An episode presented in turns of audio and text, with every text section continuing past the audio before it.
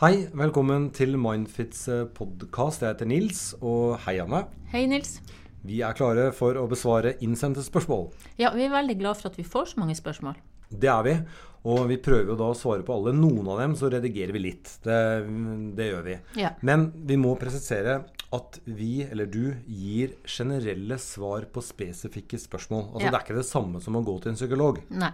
Det ville vært annerledes, for da hadde vi hatt en dialog, så da hadde du kunnet liksom fulgt litt mer den. Men vi prøver nå så godt vi kan. Vi tar første spørsmål. Hei, jeg har i løpet av de siste årene lest om høysensitivitet, og da fant jeg meg selv, hvor klisjéaktig det enn høres ut. Det var herlig å lese om, da jeg kjente meg igjen og følte meg plutselig ikke så utenfor som jeg har gjort mye i oppveksten. Jeg har alltid hatt behov for ro og fred, og har ofte skydd sosiale settinger selv om det virker kjekt. Jeg er virkelig et følelsesmenneske, og jeg kjenner så veldig på så mye. F.eks. stemninger på jobb. Jeg kan bli helt tom når det gjelder konflikter på jobb, selv om jeg står utenfor selve konflikten. Jeg blir fysisk dårlig, og det roterer rundt i meg veldig mye. Jeg får veldig behov for en timeout, av med all lyd og inntrykk. Nå har jeg stiftet familie, og med to små er det ikke lett å få tatt denne timeouten når jeg trenger det. Om jeg ikke får tatt timeout, blir jeg overstimulert, og jeg virker ikke, rett og slett. Jeg blir fort sint og ute av meg. Jeg kjenner på en måte ikke igjen meg selv. Jeg håper på noen råd til hvordan jeg som høysensitiv kan ta best mulig vare på barna, eventuelt bare innspill og støtte.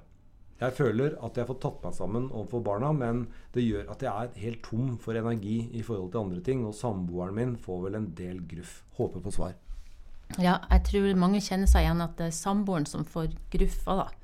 Eh, og så vil jeg si at det med høysensitivitet, hvis vi kan snakke litt om, om hva det faktisk er eh, Det spekulerer jeg nå litt i. Noen snakker om at det er et personlighetstrekk. Andre sier kan det være sånn at, at en tenker at kanskje noen har et mer høyreaktivt nervesystem.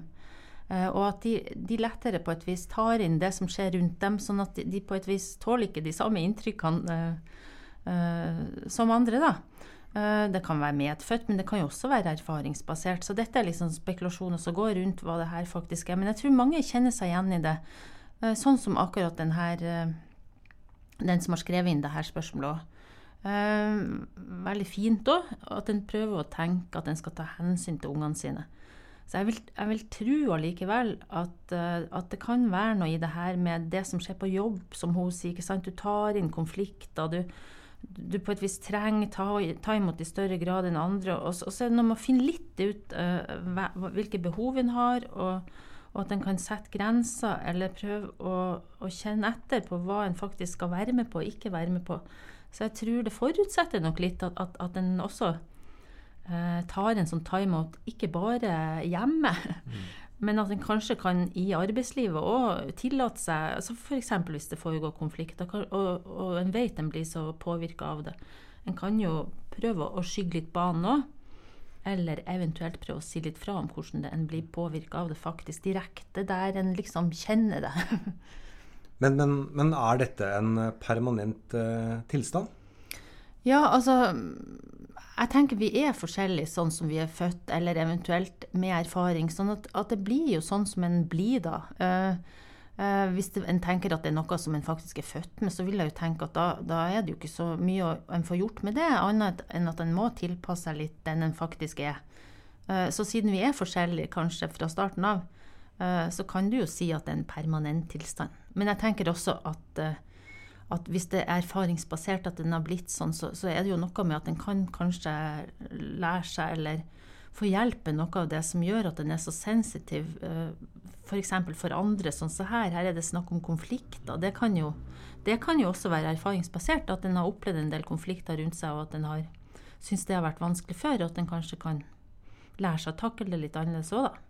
Men, men det man da kan lære, er vel eh, håper å si sånne timeout-teknikker. Altså hvordan klare å ta en timeout på steder man før ikke skjønte at man ville klare det. Ja, og så det her at eh, For det er jo ikke sånn at uh, høysensitive nødvendigvis ikke er sosiale. Hun sier også noe om det at det her sosiale kan være OK å delta på, men, men kanskje de i større grad blir sliten av det. da, sånn at Det er noe med ikke, det, må, det handler om grenser òg. At en må oppklare å kjenne at nå er nok nok, nå må jeg trekke meg litt tilbake. Så, så, dermed tenker jeg at en kan få regulert det her på måter som gjør at det trenger ikke å påvirke en i så stor grad.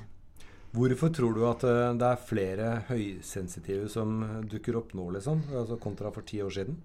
Ja, nei, Det er et godt spørsmål, Nils. Uh, egentlig så er det jo litt sånn uh, Plutselig kommer det et nytt begrep, og så er det mange som kjenner seg igjen i det. Også.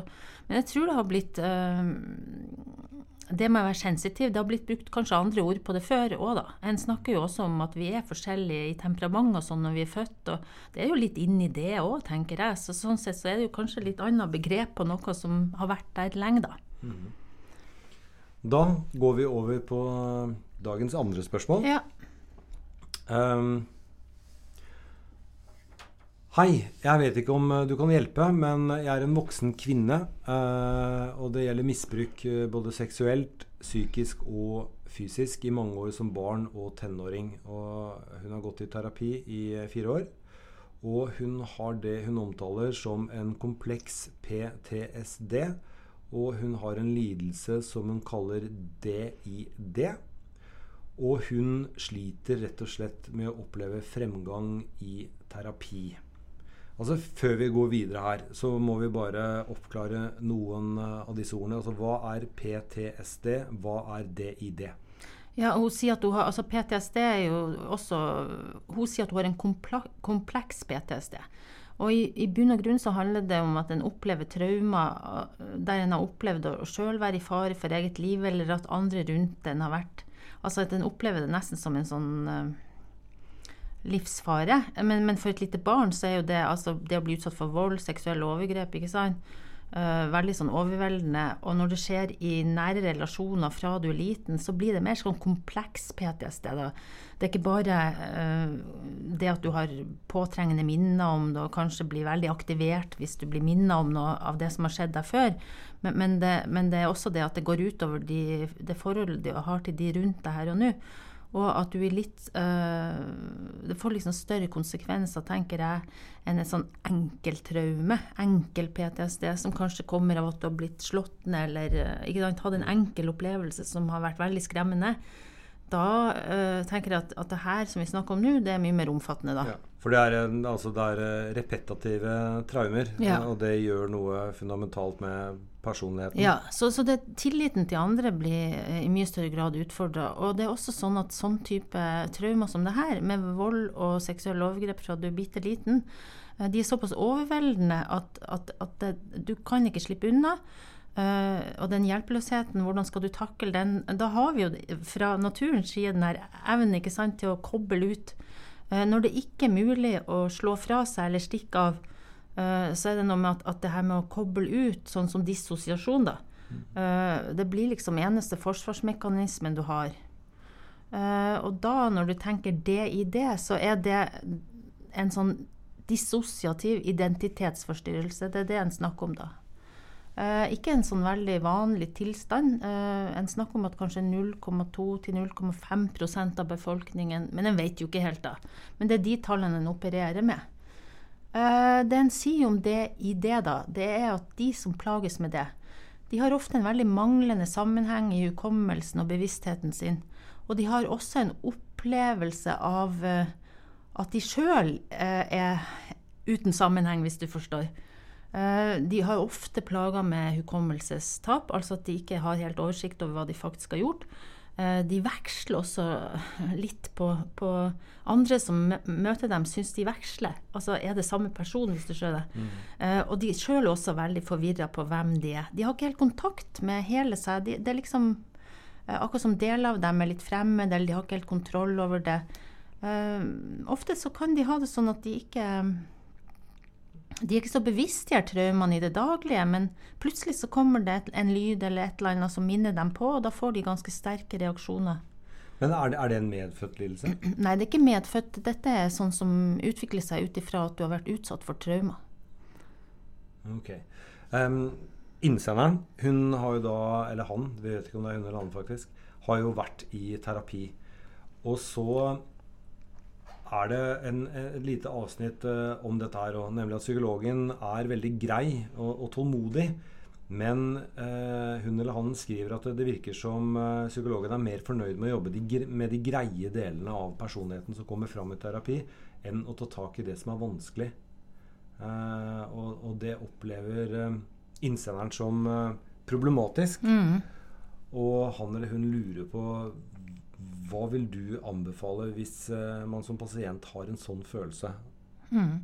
Nei, for det som er når du har denne type plager, er at, at, at noen av de her eh, du føler deg oppdelt, ikke sant? og det er akkurat som om deler av deg sjøl eh, plutselig tar kontroll. Og det kan være ganske sånn destruktive deler. altså Veldig ofte eh, deler av deg som kanskje sier at, at du ikke, det er ikke verdt at du lever, bare ta livet av deg, eller kritiserer hele tida, ber dem å skade deg.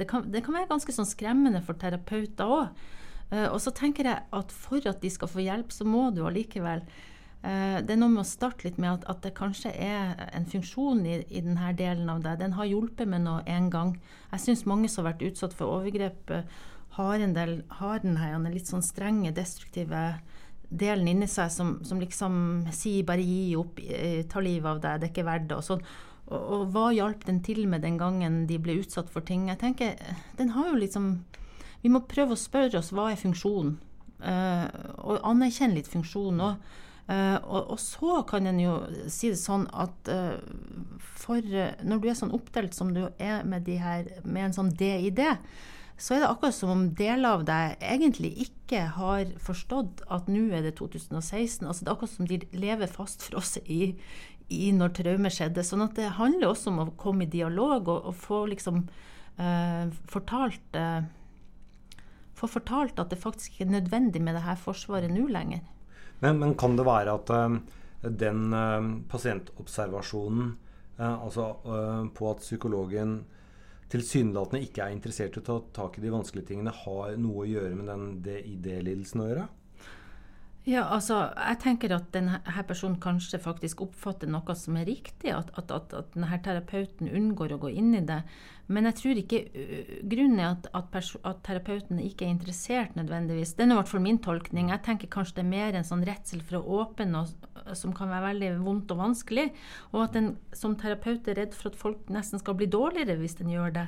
Mm. Men så ser jeg også at mange pasienter de har, lever jo med det her hver dag. Så de trenger kanskje også å, å få hjelp til å gå inn i det, det vonde og, og det vanskelige av det de har opplevd. Men innsenderen uh, avslutter jo spørsmålet sitt med, å si at man uh, har jo nå investert tre år av livet sitt liksom, på, på, denne psykologen, og, og liksom, det tar tid å stole på uh, mm. terapeut og alt det der. og liksom føle at det er et ork å begynne å forholde seg til en ny en.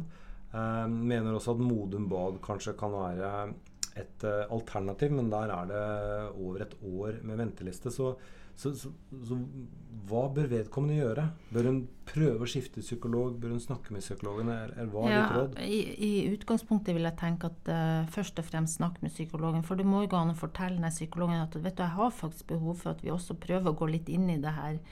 Den delen av meg som, som er negativ, og som tilsynelatende ikke vil ha hjelp, eller ikke sant.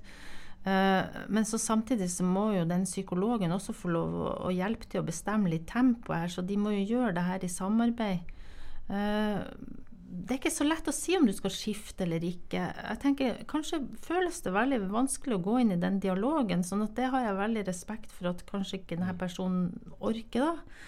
Men eh, hvis det er mulig, altså hvis du har gått til noen i tre år, så kanskje har du bygd opp såpass tillit at du kan være litt tydelig på at dette trenger jeg. Og så må de prøve å samarbeide litt da, om at det blir sånn passe, passe temperatur inn i det de skal jobbe med. Ofte trenger en også bearbeiding av opplevelser, ikke bare å snakke om hvordan en skal liksom holde seg stabil og, og her og nå liksom få til hverdagen. Det er noe med de her opplevelsene som til stadighet plager en òg, da. Det var det vi rakk i denne episoden. Ehm, vi er tilbake fortere enn du aner. Og det er altså slik at eh, dere kan bare sende inn spørsmål. Vi eh, prøver faktisk å besvare absolutt alle. Ja. Ha det bra. Ha det.